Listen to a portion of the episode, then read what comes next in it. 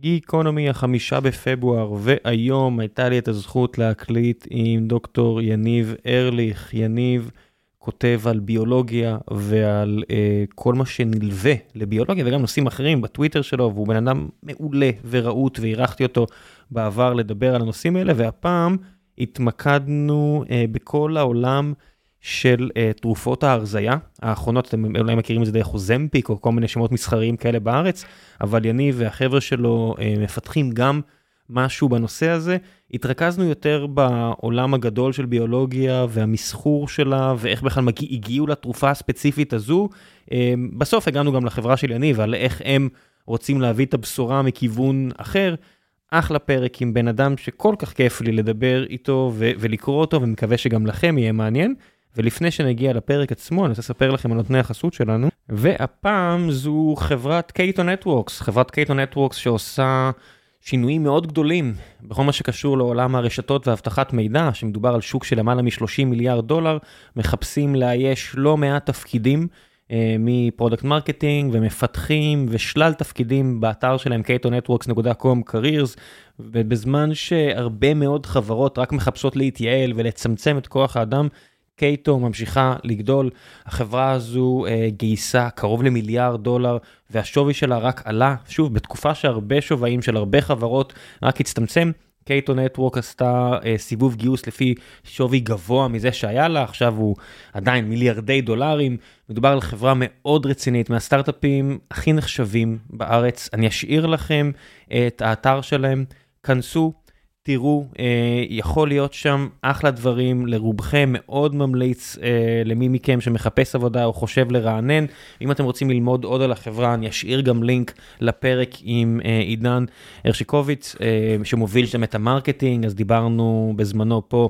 על כל מה שקשור לצד המסחרי יותר והצד הברנדי יותר של Cato, השיחה מאוד מעניינת. ממליץ לכם אה, לעשות את השיעורי בית, ואם אתם מגיעים שם לריאיון, תגידו שהגעתם דרך גיקונומי, ושיהיה המון בהצלחה. ועכשיו, פרק חדש.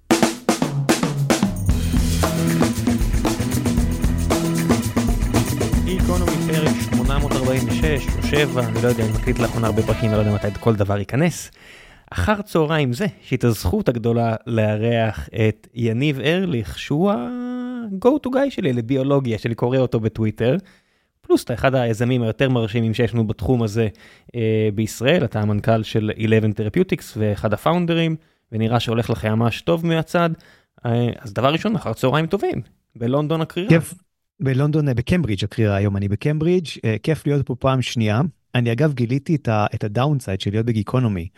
כי בתור מאזין שמגיע הפרק, אם הפרק עם עצמי אני לא מאזין לו, ואז כשאני יוצא לריצה אין לי מה לשמוע, זה הדאונסייד. לא, לא יודע אם, אם אלה יהיו הצרות שלך, אה, לאחרונה אני פשוט החלטתי יאללה, זה עושה לי טוב, אני פשוט דוחף את זה בין פגישות, אתה יודע, זה מצחיק, היה לי, כאילו, אתה יודע, אנחנו מקליטים בשתיים ורבע, שתיים ועשרה סיימתי פגישה עם uh, שותף שלי פה, הוא אומר לי, טוב, יאללה, בהצלחה בהקלטה, חוזרים בשלוש ארבעים וחמש לפגישה. איזה איזה, איזה מכונה, יפה מאוד. כן, אתה יודע, בדרך כלל אנשים מופתעים, מה, אתה לא עורך, אתה לא עושה, לא, אין לי זמן, מצטער, זה, זה, זה נכנס לתקן ארוחת צהריים או משהו כזה, ויאללה, קדימה לדבר הבא. פגז. אז מה חדש בעולם הביולוגיה? מלא דברים חדשים קורים בעולם הביולוגיה, אני חושב שפה יש לנו, בניגוד לפוליטיקה המקומית, הרבה חדשות טובות. אמ, אולי הדבר הכי מעניין בביולוגיה שקורה עכשיו זה ההתפוצצות של מה שנקרא זריקות ההרזייה. אמ, שזה פשוט דבר שקרה בשנה שנתיים האחרונות התפוצץ לחלוטין וזה מרתק כי אנחנו יודעים שהשמנת יתר זה אחד מהמחלות של העולם המודרני שהם בעצם זה, זה, זה מחולל מחלות רציני ממחלות לב לחץ דם סרטן ועוד uh, בעיות פרקים וכו' וכו'. ולמעשה לא היה לנו הרבה כלים להתמודד מול השמנת יתר ב... בעשרות שנים האחרונות כן היה כל מיני דיאטות וכל מי שעשה דיאטה. זה קשה, זה קשה וגם אנשים לא מצליחים להתמיד בזה, זאת אומרת, אתה, אנשים חוזרים ל, ל, לא רחוק מהמשקל המקורי שלהם ברוב המקרים, אז זה לא בעיה של, אתה יודע, אמרו לאנשים היה תמיד איזה גישה של אתם, אתם עצלנים, אתם אין לכם מספיק משמעת עצמית, זה לא ככה בהכרח, ברוב המקרים זה פשוט נורא נורא קשה, ואנחנו גם יודעים היום שבעצם אנשים שעולים במשקל, הגוף שלהם יוצר איזשהו זיכרון מסוים בתוך הגוף שבו עוד יותר קשה להם להוריד במשקל, זאת אומרת, הם מתנגדים להורדה במשקל גם כן. ועכשיו עם הזריקות החדשות האלה, אמ, למי שלא מכיר אה, בארץ זה נקרא כן. אוזמפיק למיניהם שיש פה איזה שוק נכון. שח- שוק אפור שוק לא יודע מה איך תקראו לזה מעבר כן. כי נהיה נורא קשה להשיג את זה אני פשוט מוקף באנשים שמקבלים את הזריקה וזה לא וזה לא החיסון אה, שיש אתה יודע שהחבר'ה של הקונספירציות אומרים הזריקה אני מתכוון לחיסון אני מתכוון אני מתכוון כן. לאוזמפיק ובארצות הברית זה ווגוביה וגוביה איך נקרא השם כן, המסחרי? רוב, כן, יש איזה, כן, זה, זה, אותו, זה אותו חומר פעיל בשני המקרים האלה, זה של חברת אה, נובו נורדיס, יש, יש אה, אה, אה, זריקה דומה של אילי לילי. עכשיו, מה שמרתק ראם בזריקות האלה, זה שהם היו, אתה יודע, אנחנו, אנחנו מכירים את, ה, את החומר הפעיל, אנחנו מכירים אותו משנת, משנות התשעים למעשה, ממש, כן? וזה, וזה התפוצץ, והרעיון היפה פה זה באמת מראה איך ביולוגיה זה extreme hardware engineering. אם יש משהו אחד, אתה יודע, שאני רוצה שהמאזינים ייקחו פה, זה שזה אקסטרים, אנחנו ב extreme engineering, אנחנו לא ב engineering רגיל פה בביולוגיה. כן אני לא מכיר נכון. אף אה, הנדסה שבה אם אתה משנה אות אחת. במקרה הכי גרוע זה יפסיק להתקמפל וזה מיד יתוקן. אצל אה, יצורים ביולוגיים השינוי הפצפון של אות פה בדיוק אתה כתבת את זה בטוויטר היום אתמול ששינוי של כן. אות אחת במקטע dna יכול לחרב את האיכות חיים לדור אתה יודע לקו גנטי שלם של אנשים. ומצד שני יכול להיות לך 100 אלף שינויים ב-DNA שלא עושים כלום, ואנחנו לא רואים שום השפעה פנוטיפית. זו מערכת שהיא עובדת באקסטרים. הרעיון של זריקות, בוא נסביר איך הזריקות האלה עובדות, כן? החומר הפעיל בתוך הזריקות האלה הוא מאוד שונה מהחומר, מחומרים פעילים אחרים שאנחנו מכירים מתרופות. כולם חושבים על תרופה, חושבים על אקמול, נכון? זה התרופה הרגילה. בזריקות האלה זה לא מה שנקרא מולקולה קטנה, אלא זה שרשרת של חלבון. חלבון שמורכב בערך 30 אמינו אסידס משורשרים אחד לשני. עכשיו, הכרנו את החלבונים האלה, אנחנו מכירים אותם כבר עשרות שנים, את החלבונים האלה, יודעים את הפעולה שלהם.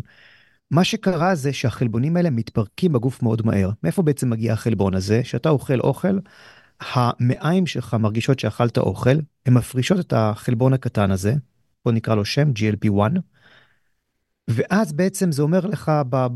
הולך למוח, הולך למקומות אחרים בגוף, ואומר, אתה שבע, תירגע, אכלת, נכון? אין לך תחושת רעב, תהיה שבע, שב בשקט, לא צריך לרוץ אחרי הארוחה הבאה. כן, בגלל זה לוקח זמן בדרך כלל השחרור של החלבון הזה במידה מספקת, בגלל זה הרבה פעמים אתם מרגישים שובע רק רבע שעה או 20 דקות אחרי כן. שאתם אוכלים, בגלל אם אתם לא מפסיקים לאכול אתם מגלים שאכלתם יותר מדי, ואם אתם אוכלים במקטעים הרבה פעמים אתם תאכלו פחות, כי, כי הגוף משחרר את החלבון הזה והמוח מבין שהוא שבע. בדיוק, ו- ו- ו- אבל מצד שני הגוף יש לו גם מנגנון אחר, כי באבולוציה לא טוב להיות שבע לאורך זמן, אתה עלול לו ללכת ולחפש את הארוחה הבאה שלך, אז החלבון הזה מצד שני הוא מתפרק בגוף מאוד מאוד מהר, כן? ובניסויים מתחילת שנות האלפיים לקחו את החלבון ואמרו מה יקרה אם אנחנו נזריק אותו נטפטף אותו לחולי סכרת פשוט נטפטף אותו כל הזמן. וראו שאותם חולי סכרת שטפטפנו אותו עכשיו למה צריך לטפטף כי הוא נשבר מהר אז כל הזמן צריך כאילו לדחוף אותו עוד ועוד ועוד לתוך הגוף עם משאבה. וראו שממש הם משתפרים במדדים במדדים הגליקמיים שלהם באינסולין שלהם עכשיו ברמה הרבה יותר טובה היכולת שלהם להתנגד להעמסת אה, סוכר וכו' רק מה יש בעיה אחת. אתה לא רוצה לשים עצמך משאבה כל היום ולטפטף עצמך חלבון אתה גם צריך לחיות נכון נכון. זה, זה, כן. זה הבעיה הידועה של, אה, של אנשים שצריכים דיאליזה, כל מיני טיפולים שהם כאלה, שהם פשוט, הפגיעה באיכות חיים היא עצומה. נכון ו- ולכן זה, זה בלתי אפשרי. ואז בעצם מה שהתחילו לעשות זה לקחת את אותו חלבון ולעשות שינויים קטנים פצפונים כן אקסטרים הרדוור. שינויים קטנים מאוד שגורמים לו פשוט להתייצב בגוף להמון המון זמן. תסביר לי שנייה את המכניקה פה, הרי כל חלבון, ואתה יודע, שאנשים אומרים כמה גרם חלבון אכלת אחרי האימון, וזה תמיד כן. כאילו מטריף, לי, אומר כאילו חלבון זה מקשה אחת. לא, יש איזה 200 מיליון סוגים של חלבונים, בסוף יש 18 אה, חומצות אמינו שונות, הקומבינה... 20. 20. 20 חומצות אמינו טבעיות יש הרבה לא כן. טבעיות אבל אוקיי, 20 אז- הגוף שלך יודע להשתמש ב-20. כן. הקומבינטוריקה פה, מס- מספר הצירופים שאפשר לעשות הוא אינסופי, אז הנה, כן. עכשיו יש לנו פה בעצם חלבון שהגוף מפריש, שעשוי מקומבינציה כלשהו וקיפול תלת-ממדי של אותם 20 נכון. חומצות אמינו, מה זה אומר שינוי קטנטן? זה אומר שלקחת חומצת אמינו אחת והחלפת באחרת? זה אומר ששינית את הצורה כן. שבה זה מקופל? מה, מה זה אומר כן, שינוי אז, קטנטן? אז אנחנו מנסים, במצב של החלבון הזה, אנחנו מנסים לא לשנות יותר מדי ממנו, כי אם אנחנו נשנה, הוא לא ייגע ב receptor שלו, שהוא מתאים בצורה די טובה, אז אנחנו רוצים לשמור על איזשהו משהו, משהו כזה. איך אנחנו עושים את זה? יש לנו שתי, יש לנו שיטה, השיטה שהמובילה בביולוגיה עד לאחרונה, הייתה בוא נלך למקומות בטבע, נמצא את החלבון הזה ונראה אם אפשר לייצב אותו באמצעות, כאילו אנחנו מעתיקים, אנחנו עושים cheating בביולוגיה. extreme engineering, כן? אנחנו עושים רק, אה, אנחנו, אנחנו, קשה לנו מאוד לדעת מה לעשות, אז קודם כל אנחנו הולכים ומעתיקים משהו שעובד. הלכו מצאו, יש לטאה, לטאה במקסיקו ומדבריות אריזונה, אה, Gila monster, שהיא מפרישה את החלבון הזה בארס שלה. כן, יש לה ארס, היא נושכת, מפרישה את החלבון, אחד מהשערות האבולוציוניות, זה גורם לאיזושהי הורדה של הסוכר אצל החיה הנטרפת, זה גורם לה להיות קצת dizzy, זה טוב. לקחו את הרעלן הזה, כן? בודדו את החלבון מתוך איך, ה... איך לכל הרוחות הדבר, הנס הזה שתיארת עכשיו, איך זה קורה? כן. איך מאיזושהי לטאה שחיה במרכז אמריקה, מישהו עשה את החיבור והצליח, לא יודע, למפות את החלבונים שיש ברוק שלה, והצליח להבין שזה מספיק דומה לאותו חלבון שהגוף מפריש. איך אז, זה קורה? זה, זה, זה, זה, זה קורה כל הזמן, זה מחקר בסיסי, זה הגדולה של מחקר בסיסי. יושבים ביולוגים, כן? קצת, קצת משעממים, קצת פסיכיים, ואומרים, מעניין אותי להתעסק באיזה יצור משונה. עכשיו, כמובן, אתה יודע, יושבים האנשים, אומרים, "מה- מה- למה אתה מבזבז את זמנך על אותו יצור משונה? כי, כי מעניין אותי, ואני לא יודע מה נמצא שם. אז הם הולכים לאותו יצור משונה, והם מוצאים בתוך ההרס של אותה לטאה את החלבון הזה. ואגב, באינדונזיה יש אמ, חלזונות ימים, שמפרישים גם, מפרישים איזשהו הרס, בודדו מתוך ההרס את אחד מהחלבונים שהם מפרישים, מצאו שהוא גורם להפחתת כאב אצל יונקים, כן? הדברים האלה קורים כל הזמן בביולוגיה. יושבים, מסתכלים על מדוזה, רואים שהמדוזה הזאת מפרישה אור. יודעים למצוא את הגן, לקחת את הגן של אותו מדוזה שמפרישה אור, וזה פרס נובל, כי אני היום יכול לשים, לקחת עכבר ולבטא את הגן הזה בתוכו, ועכשיו יש לי עכבר שמאיר. אז שנייה, לפני שאנחנו חוזרים ללטאה ומה עושים איתה ולווגוביה או לאוזמפיק והכל, אני חייב שנייה כן. עוד לשאול כמה שאלות על הסוגיה הזאת, כי תמיד אה, היא, אה, אה, תמיד הטרידה אותי. כן. עד כמה אנחנו מבינים את הלמה? זאת אומרת, במדעי המחשב אני מאוד נדיר שישבו מספיק אנשים, הם לא יבינו את הלמה משהו עובד. עכשיו, אה, לא יודע, Machine Learning חדש, אז יש יותר מסתורין, אבל במקרה הזה של ביולוגיה, עד כמה אנחנו פשוט, אתה יודע, זה, תמיד יש את האנלוגיה הזאת של החבר'ה בבריטניה, אחרי שהרומאים uh, התפרקו, האימפריה ועזבו, ואז הם הסתכלו על ה aqueducts ואמרו, אוקיי, אני לא יודע איך זה עובד, וברגע שזה יתקלקל, אז אין, אין יותר מים זורמים, uh, עד שהם הקימו את, את התרבות כן. שלהם. זה ככה? זאת אומרת, אנחנו מסתכלים על משהו כאילו זה איזשהו מדע חוצני שהאבולוציה יצרה במשך מיליארדי שנים, ופשוט מקבלים את זה as is, או שאנחנו מבינים מה המשמעות של כל חומצת אמינו וכל קיפול, ומה בעצם, זה, איך זה עושה ומה זה עושה. לא, אנחנו נמצאים במרמה, אני, זאת אומרת, זה, זה, אתה שמת את זה על כאילו 0-1, זה לא, זה ספקטרום של דברים, כן? אנחנו בביולוגיה, בניגוד למדעי המחשב, במדעי המחשב יש לך יכולת לעשות אבסטרקציה, נכון? אם אתה יושב ב Python, מוריד איזה קוד, גם אם אתה לא מבין עד הסוף, אתה אומר לעצמך, אוקיי, אני יודע מה ה input, מה ה output של הדבר הזה, pip install, עזוב אותי, לא יודע עכשיו לעשות large language models, אבל אני אוריד את החבילה ואני אתחיל לשחק עם זה, ואני לא באמת צריך לדעת את המטריצה בתוך איך היא עובדת, כדי באמת ליצור איזה משהו חדש. ופה בביולוגיה, אנחנו, אין לנו רמה טובה של אבסטרקציה. זאת אומרת, אני לא יכול להתייחס לדברים רק איזה output כזה ולהפחית את כל השאר, כי אני, הרבה דברים קורים במעבר שאני חייב להתייחס אליהם. כן? אני, אני אתן למשל דוגמה, אני מסנטז מולקולה, אני הולך ל vendor אחד פה, מסנטז מולקולה, יש פה shops כל הזמן, אתה יודע, שיודעים לסנטז בשבילי מולקולות. אני מקבל את המולקולה שחשבתי שרציתי לקבל, אני הולך ל vendor אחר, היא לא עובדת אותו דבר. למה? כי ה vendor הראשון שם לי איזה מלח מסוים בתוך ה buffer של הדבר הזה, המולקולה חיה בתוך איזושהי סביבה מימית, מלח מסוים, והרמת מלחים היא אחרת אצל ונדור אחר, והמולקולה יכולה להתקפל בצורה אחרת ולהיות אחרת.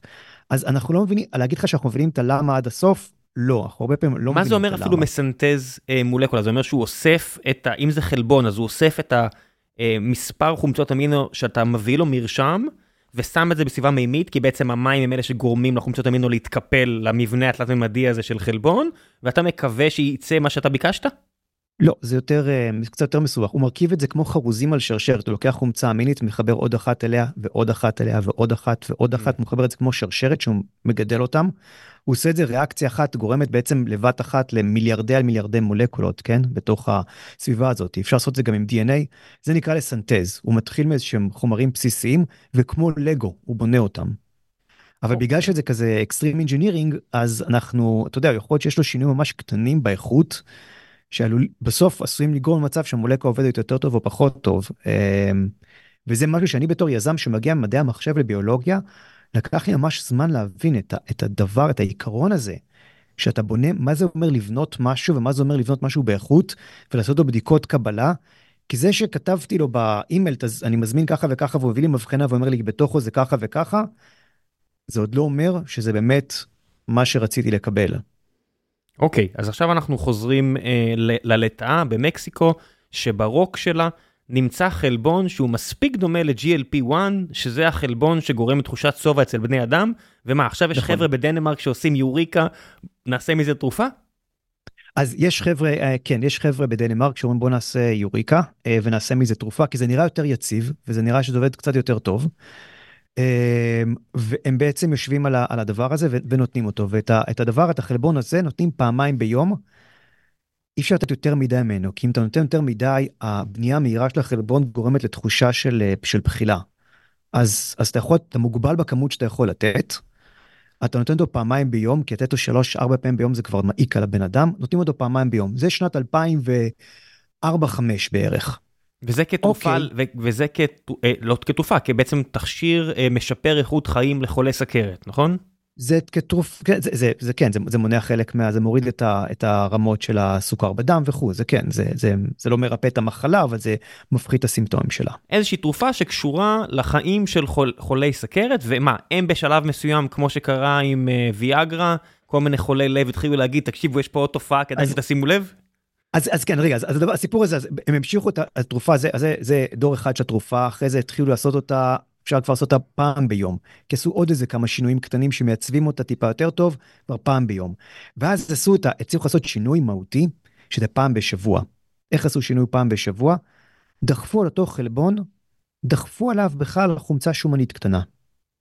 שומן. מסתבר שהחומצה השומנית הקטנה הזאת אקסטרים אינג'ינירי, כי אנחנו לא יודעים למה זה, אנחנו מנסים הרבה דברים, ניסו המון המון דברים, מצאו שחומצה שומנית מסוימת אחת, מה שקורה לחלבון הזה, שהוא בדם, הוא נקשר בתוך הדם, יש לך הרבה חלבונים ענקיים שמסתובבים בדם. הוא נקשר לאחד מהחלבונים הענקיים האלה בדם, כמו שהוא קופץ, כמו שאתה קופץ לרכבת. עכשיו אתה על הרכבת הקלה, הוא קפץ לרכבת הקלה. החלבון הזה מסתובב בתוך הדם הגדול, כן, מגן על החלבון הקטן שלנו, ואז, ומדי פעם החלבון הקטן יורד מהחלבון הגדול בתחנות שונות, ובעצם מופרש בצורה הרבה יותר איטית. זה מה שנקרא מנגנון slow release? slow release, אבל slow release בעצם על ידי מנגנון של הגוף. אני משתלט פה על משהו בגוף, ופשוט עובד על, על, על הדבר הזה. כן, אני מכיר את זה מעולמות הריטלין קונצרטה, שאתה מקיף משהו בכל מיני מלחים כאלה, ואז זה בעצם השחרור, המיצי קיבה, הוא לא יודע מה, משחרר את זה בקיבה, ואז יוצא שזה משתחרר לאורך הרבה שעות ביום, והילד, או לא יודע מה, המבוגר שלוקח את ה...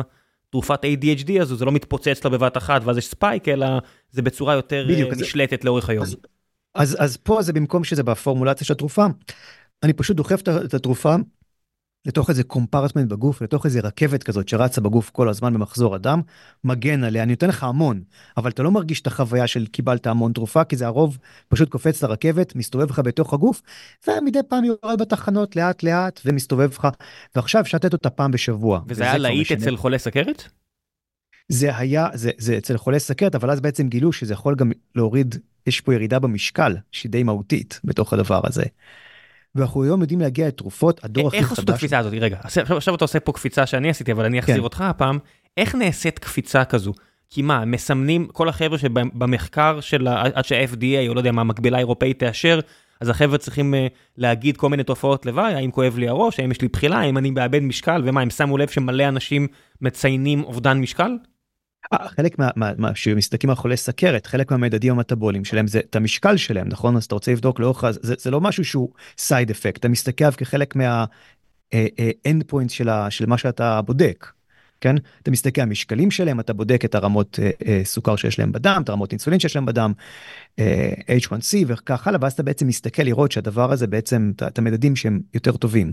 ורואים אצלם, בתוך התיק, תיקי הגשות FDM, אתה יודע, הם פתוחים לציבור, אפשר להסתכל עליהם, פשוט רואים ירידה במשקל לאורך זמן. וירידה במשקל זה, זאת אומרת, אנחנו כחברה מודרנית, רובנו מחזיקים כמה קילוגרמים עודפים, אז ירידה במשקל לא נתפס כמשהו... כמשהו רע, להפך, זה נתפס כמשהו טוב, אבל לא יודע, חברות תרופות שהן רואות ירידה במשקל, זה לא אינדיקציה הרבה פעמים למשהו רע? זה אינדיקציה הרבה פעמים בעיקר בבעלי חיים שאתה עושה אתה הרי לא יכול לשאול אם אתה מרגיש רע או לא מרגיש טוב אתה רואה ירידה במשקל בבעלי חיים. אגב זה אחד מהמדדים בקורונה שהיו בודקים את ההשפעה של אה, וירוסים שונים פשוט היו מסתכלים על ירידה במשקל מדביקים את ה... פרט או whatever כאילו איזה חיה בווירוס ומסתכלים החיה סובלת פשוט רואים ירידה במשקל וככה יודעים. למה מה הרציונל כי חיה סובלת אוכלת פחות היא זזה כן, פחות. לתרגית כן לתרגית היא לא רוצה לאכול אתה יודע כמו שאתה חולה אתה חולה מה אתה רוצה אתה רוצה לשבת לאכול אתה רוצה לשכב במיטה לעשות כלום. ושיש ירידה במשקל מסתכלים מהיכן היא נובעת? האם זה בגלל שלא יודע מה, יש פחות נוזלים, השריר הלך, השומן הלך, הרי ירידה במשקל יכולה להגיע מכל מיני נכון, כיוונים נכון. אפשריים. אז, אז מסתכלים, אז מסתכלים על הדברים האלה. אגב, פה בחולי הסכרת, אחד, זה אחת מהביקורות שיש לתרופה הזאת, שירידה במשקל היא כללית, היא גם בלין מס, זאת אומרת גם בשריר יש לך ירידה במשקל, אתה יורד במשקל באופן כללי. בדבר הזה. מצד שני, אנחנו פה מבינים את המשמעות, המנגונים פה יותר ברורים, כן? אנחנו גם יש לנו מכניזם. אנחנו יודעים שהתרופה למשל, יש רצפטורים במוח שקשורים לשובע. אנחנו יודעים שהיא מאטה את פעילות מערכת העיכול, ויש גם תחושה של שובע, כי פשוט אתה, אתה, אתה, מערכת העיכול שלך הרבה יותר איטית, אתה מרגיש מפוצץ כל הזמן. היא גם גורמת למצב שבו התאים של האינסולין, האינסולין הם, הם משגשגים כתוצאה מהתרופה הזאת. ולכן, זאת אומרת, יש פה גם מדדי ביניים שאנחנו רואים אותם בתוך הדבר הזה. אם נגיד, אתה יודע, יש בוואלי אה, שטיק כזה כבר כמה שנים, אה, של אה, חבר'ה שמתאהבים עם פאץ', עם מדבקה כזו על היד, שכל הזמן מנטר להם את הסוכר. ואז הם יכולים באמצע הארוחה להגיד I'm done, האפליקציה מראה לי שהסוכר שלי כן. עולה, זה, זה נהיה ממש קטע כזה, ועכשיו שהמחירים של הדברים האלה יורדים, זה כבר לא רק ה-VCs המוצלחים, עכשיו זה גם ה-VCs הפחות מוצלחים, לא סתם אני צוחק, זה, כן. גם, זה גם סתם כן. אנשים uh, בוואלי מסתובבים עם זה, איך זה משפיע על, זאת אומרת, שאתה אומר, האינסולין משגשג, מה, מה אני אראה במדד הגליקמי שלי וכל ה... אתה יודע, המדדים האובייקטיביים האלו? אז אחד מהדברים שעושים, אחד מהניסויים שעושים נקרא IPGTT, אתה לוקח בעצם, אתה לוקח נגיד, נגיד עכבר, בעכברים, זה משהו שעושים אותו. אתה נותן את, ה, את התרופה הזאת, ואז בשלב מסוים אתה מזריק להם סוכר, ואתה מתחיל להסתכל בעצם על הכמות הסוכר שיש להם בדם, ומה שאתה רואה שהתרופה, הסוכר אין לו ספייק, הוא, הוא נכנס מאוד מהר. ואז בעצם זה אומר שהקליטת סוכר שם הרבה יותר טובה. זה נגיד אחד מהדברים שמסתכלים, מסתכלים על רמות אינסולין, מדדים כאלה בעצם. אה, כמות האוכל שהעכבר אוכל זה גם אחד מהמדדים שמסתכלים עליהם. אבל בסוף יש גם בחירה אנחנו הרי לא מכונות אנחנו לא אנחנו לא גם אנחנו לא חיות הרי הבחירה כמה אוכל לצרוך. יש בה גם נכון. מרכיב רצוני זאת אומרת אתה יודע בן אדם צורך קנאביס לא צורך קנאביס זה גם משפיע על כן. תיאבון בן אדם מדוכא לא מדוכא הבן אדם. בשבוע חגיגות כי לא יודע הקבוצה זכתה באליפות והוא טוחן לא יודע בטוח מה. בטוח לא זה, זה בטוח אבל הניסויים עצמם הם נטו רק על ההרגשה של השובע ובן אדם פשוט צורך פחות אוכל או שיש פה עוד הסברים ביולוגיים. מכניים. אז אנחנו, אנחנו מג... מה שמגלים בשנתיים האחרונות בגלל שהזריקות האלה מתפוצצות אנחנו מתחילים לראות דברים מאוד מעניינים שמציעים את היכולת של הזריקות האלה לעוד conditions למשל אנשים מדווחים וזה עדיין ברמה אנקדוטלית זאת אומרת עוד אין ממש מצב שבו הסתכלו על זה בצורה שהיא אתה יודע ב-randomized trial לאורך זמן. אנשים שמכורים להימורים ולאלכוהול ויכול להיות שהם והם פשוט הם, הם אה, בעלי משקל עודף אז הם לוקחים את הזריקות האלה הם מדווחים על ירידה ב craving שלהם לאלכוהול או להימורים. זאת אומרת, הזריקות האלה עובדות על איזה מכניזם הרבה יותר עמוק ב, ב, במוח, שאנחנו עוד לא לגמרי מבינים אותו לחלוטין. כן, כן? בס, זה, בסוף זה... אנחנו, יש כל מיני מחקרים שמראים שיש גם סיבה שיש פטיש לכפות רגליים, כי מה לעשות שאיך שהמוח שלנו רואה או חווה, יש אזורים מסוימים שאם הם מספיק קרובים, אז יש אנשים... יש זיגה, ש... כן, כן. כן, אז, לא, אז אני, אני, שגם... מה שאמרתי מוכר לכל מי שלמד uh, מדעי המוח, אבל בסוף זה יצור ביולוגי שהכל מקופל שם בפנים ואז יש רעש הרבה פעמים. הרבה רעש ויכול להיות שאותו מקור כן זה לא מה שאתה יודע אנשים מדברים על אכילה רגשית כן אותו מקור שבו אתה רוצה לאכול יותר ואותו מקור שבו אתה אומר יאללה הולך לעשות עכשיו איזה בין של איזה אלכוהול או, או בין של הימורים או משהו זה מגיע יכול מאותם מקורות זאת אומרת אותם מעגלים נוירולוגיים ואנחנו כנראה מצליחים להוריד עם התרופה הזאת גם את, ה, את הדברים האלה, שזה מדהים. כשההשפעות כן, הנלוות הן רק סטטיסטיות? זאת אומרת, איך אנחנו יודעים שכל כך הרבה אנשים שמתחילים להזריק, נגיד יש לי מישהי בחיים שהתחילה להזריק, והיא חוותה כל מיני דברים אחרים. אז אמרתי, את יודעת, כן. לכל הפחות, תעשי ניסוי, תפסיקי להזריק את האוזמפיק, ותראי אם הדברים האחרים עוזרים. אבל היא לא רצתה, כי נורא כיף להוריד במשקל. כן.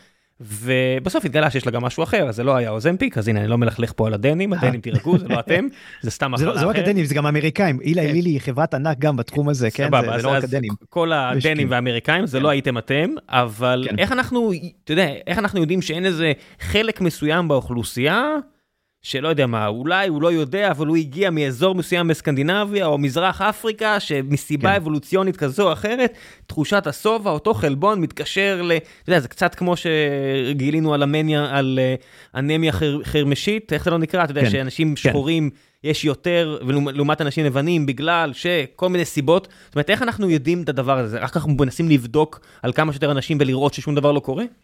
אז קודם כל נדבר עוד מעט על אנמיה חרמשית, כי זה מרתק, כי גם שם קורים דברים מעניינים. אבל כן, מה שאתה שואל בעצם... משהו השתנה עם המיקרופון שלך. וחזרנו, וארליך. היקר, אה, בסדר, לעד כל מה שאני אגיד את השם שלך, אני מצטער, הראש שלי נודד לסרטי בורקס. זה בצבא, הייתי, תפס אותי פעם, הס- הסמל של הטירונות, תראה, הסתכל... והכריח אותך לאכול. ביצים קשות, כן, אין מה לעשות. מה זה לא, צריך לעשות לי את כל ה... הייתי צריך ללמוד את הקטעים האלה בעל פה, וזה היה משעשע. אין מה לעשות, זה- זה זה הצור מחצבתי. זה הדבר. כן, טוב, אמ, אז- כן, אנמיה חרמשית. לכם שתכף תכף נדבר על זה כי זה מרתק יש שם גם דברים כאילו פסיכיים שקורים תכף נדבר על זה על ה... לגבי איך- אתה שואל איך יודעים שהתרופה לא משפיעה על סיגמנטים באוכלוסייה. קודם כל בניסויים קליניים נגיד ה-FDA מחייב אתה לא יכול רק לבדוק את זה על אמריקאים לבנים אתה צריך לבדוק את זה בקוהורטים שונים כדי לקבל מגוון גנטי מספק. אגב בחלק מהתרופות אנחנו יודעים היום יש דבר שנקרא יש תחום בתוך גנטיקה נקרא פרמקו גנומיקה.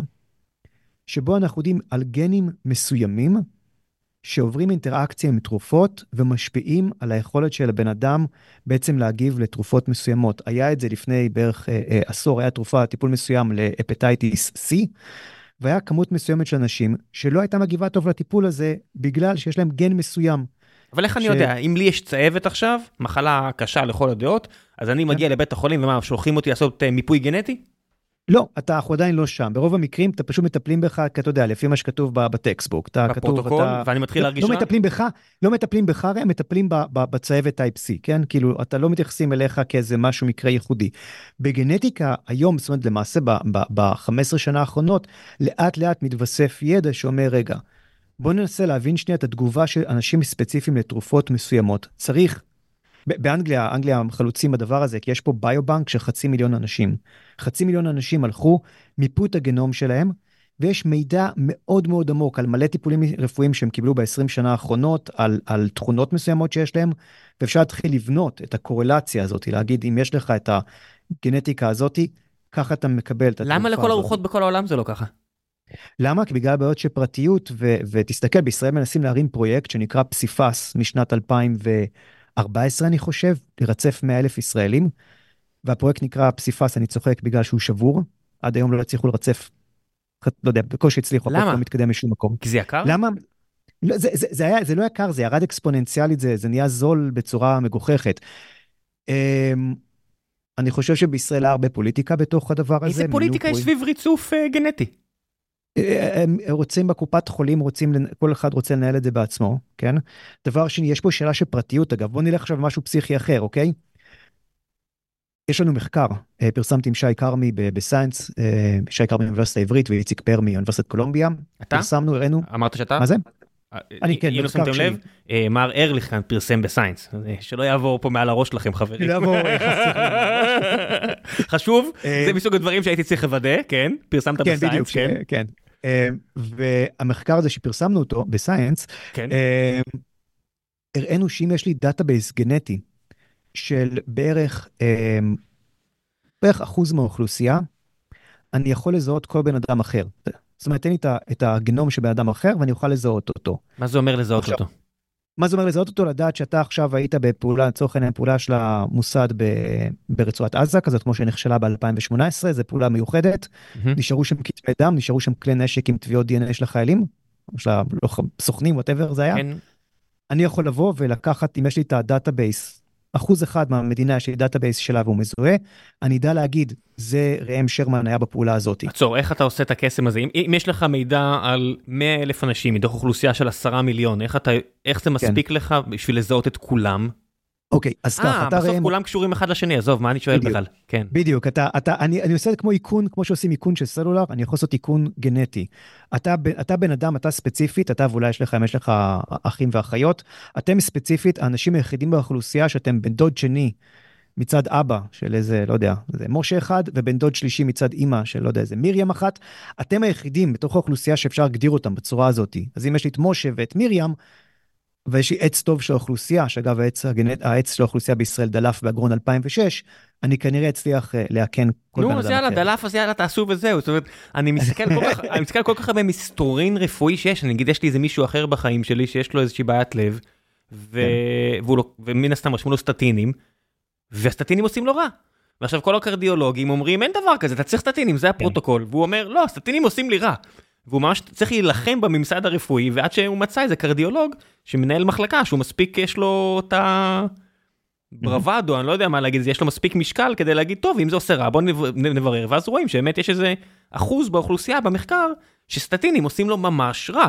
אז למה, אתה יודע, אם, אם מראש היו יודעים, היו חוסכים ממנו עוגמת נפש.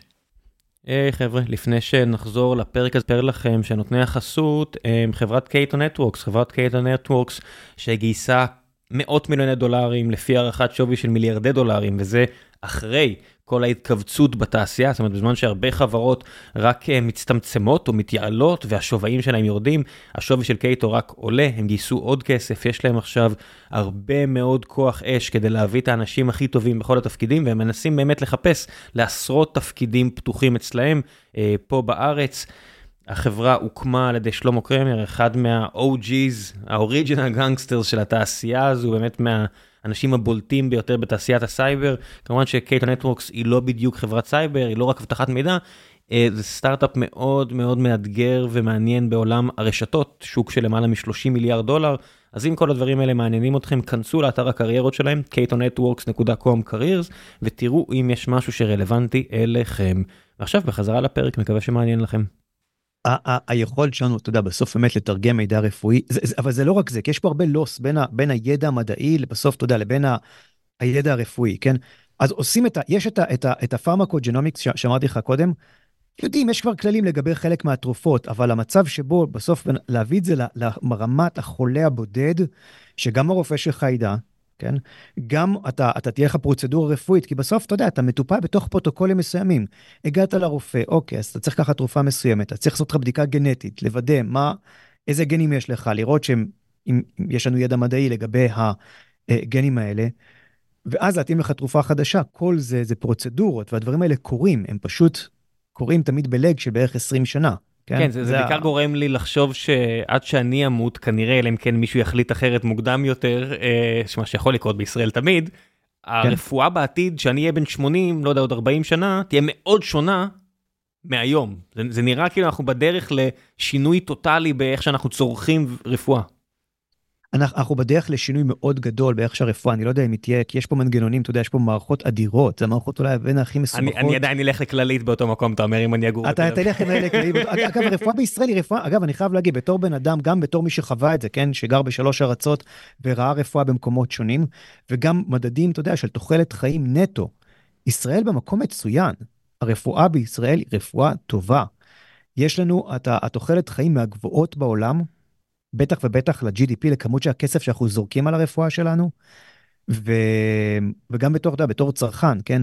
אני גר עכשיו באנגליה, גרתי בארצות הברית, הרפואה בישראל היא הרפואה הכי טובה שנתקלתי בה. אני מודה שאני ברצף של לקבל רק דברים טובים מהקופה, אז הנה כללית אני מפרגן לכם, אני פשוט ברצף של אני אומר, איפה אני חי? מה זה, זה שווייץ פה? מה אתם, מה אתם עושים כן. פה? למה זה ככה? הם, כן. הם... כן. אז אני אגיד, אם יש לכם ילדים, תבדקו מה הקופה יכולה לעשות עבורכם, ומתברר שזה הרבה. אני לא יודע, זה ממש, לא ידעתי. זה הרבה, והרופאים פה אקטיביים בארץ, והם באמת מנסים לראות את החולה, ומצד שני אתה גם לא מקבל מדיקל בילס מגעילים כאלה, כן? על אמא שלי היה אפיזודה רפואית שהיינו בניו יורק כבר לפני, כמעט שחזרתי לארץ, היא באה, ובסוף היא אושפזה ארבעה ימים בבית חולים, בבית חולים שהם היו בית חולים טוב, לא עשו לה שום, לא היה שום ניתוח, לא היה כלום, עשו לה דיאגנוסטיקה בגדול. קיבלנו חשבון של 40 אלף דולר, אוקיי? ביום שזה קרה, אם היא הייתה מבוטחת בהראל, אמרתי לה, את לא מבינה, המניות של הראל בירידה. היא אומרת לי, מה, מה, מה אני אקבל מזה? אמרתי, את לא יודעת מה את הולכת לקבל פה בכלל. את לא יודעת מה יהיה... וקיבלנו חשבונות, במשך שנה שלמה הייתה מקבלת, כן, הייתה מקבלת, על הארץ, סתם כן. שולחים באימייל, בדואר לארץ. כי זה מטפטף, זה לא שאתה, זה לא שבבת אחת קוראים אותך, זה שוחטים אותך בחתיכות, כל פעם אתה יודע, עוד איזה דולר. אני מניח, אתה, עכשיו גם יזם, אתה לא רק חוקר, כן. למרות שאתה כבר הרבה שנים uh, בתחום היזמות הטכנולוגית, um, בחברה שעשתה מיפוי גנטי בין השאר וכל מיני כאלה, אבל עכשיו שאתה רואה גם את בור השומן העצום הזה בארצות הברית, ואתה רואה את הפוטנציאל בביולוגיה מולקולרית, זה ממש נראה כאילו החברות שם uh, חוככות ידיהן, ורק מחכות, אתה יודע, להציע את השירותים האלה. יש פה, זה, זה הרבה יותר מסובך, כן? זאת אומרת, זה, אני, אני גם יזם וגם, אתה יודע, אני ראיתי את, את המחירי התרופות בארצות הברית, והייתי מתפלץ מהם, כן? אני צריך אה, צרכן, בתור אסמטי מדי פעם אני צריך ונטולין. הייתי, שגרתי בארצות הברית, מעדיף לקנות את זה בארץ. בפרטי בארץ זה עולה פחות מבארצות הברית עם ביטוח, כן? זה מחירים פסיכיים. אותו מוצר, עכשיו, אותו מוצר. אותו, אותו מוצר, אותו מוצר בדיוק, כן? אותו מוצר בדיוק עולה פחות ב... ב... עכשיו, מה הבעיה בארצות הברית? לפחות עד לאחרונה. היה איסור של הממשל האמריקאי, הממשל אסר על עצמו לעשות negotiations על drug prices. זאת אומרת, החברות תרופות היו אומרות מחיר, והממשל בגדול היה צריך להגיד, סבבה. הבן אדם שהעביר את הרגולציה הזו מטעם אה, הלובי של חברות התרופות בטוח קיבל אחלה בונוס באותה שנה. הוא קיבל, צריך לקבל את עוד, כן, הוא קיבל, עכשיו מצד שני, כן, אני רואה עכשיו בתור יזם, כמה זה עולה לפתח תרופה, כמה זה מסובך, דיברנו על extreme engineering, כן? כן? כמה אין לי רמות של אבסטרקציה, אני צריך לבדוק, מה זה אומר שאין רמות של אבסטרקציה? זה אומר שצריך לבדוק כל דבר, כן? זה אומר שאתה הולך, כל דבר אתה צריך להבין עד הסוף, כל דבר אתה צריך לבדוק אותו אלף פעם, כדי לוודא שבאמת הוא, הוא קיבלת מה שרצית שיהיה שם. זה תהליכים מאוד מאוד יקרים. נגיד הנובו האלה בדנמרק, אה, כן. מצ... התחילו עם תרופה של סכרת, אז אני מניח שהם התחילו ב-2000. הם, הם התחילו עם תרופה, הם התחילו בכלל, לא, זה, זה, זה, זה חלק מהעניין. כל החברות תרופות הגדולות האלה, אף אחד לא חדשה. כן? זה לא פייסבוק, זה לא גוגל, שכח מזה. זה כן, חברות זה, ש... חברות בנות 100 הרבה פעמים. שלך נולד, שסבא שלך נולד, אולי הם כבר יהיו קיימות, כן? נובו כן. זה חברה מ-1920. למה, למה נובו? כי היה צריך לעשות אינסולין.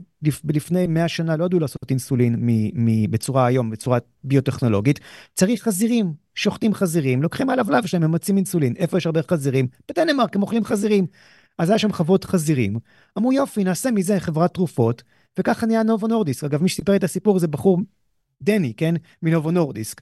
ששאלתי אותו איך הם נהיו המפלצת, אז הוא אמר, ככה התחלנו בתור חברה ששוחטת חזירים, אחרי זה נהיה לנו מלא כסף מהאינסולין, אז השקענו בפיתוח תרופות חדשות. אבל ועדיין, לצורך העניין, 2005 הם מתחילים עם הפטנט הזה, הם מקבלים עכשיו פטנט. לא, ל... 2000, זה, זה, שנייה, כבר זה בערך עשור קדימה. 2015? 2015, החומצה הזאת, האמינו החדשה, זה ה-IP? זאת אומרת, זה, זה הבוננזה שלהם? היכולת זה... לעשות את release? היכול, כן, ויש, ל, ל, עכשיו, לאילי לילי יש תרופה חדשה, עכשיו זה, זה, אנחנו מגיעים למחוזות באמת הקסומים. גם להם יש slow release עם איזה חום, גם חומצה שומנית קצת אחרת, הם עדיין משתמשים מה, מהחומר של הלטאה המגעילה הזאת, אז הם עדיין, ויש להם שם איזה מאוד איזה חומצה, אבל לילי עושים עוד טריק.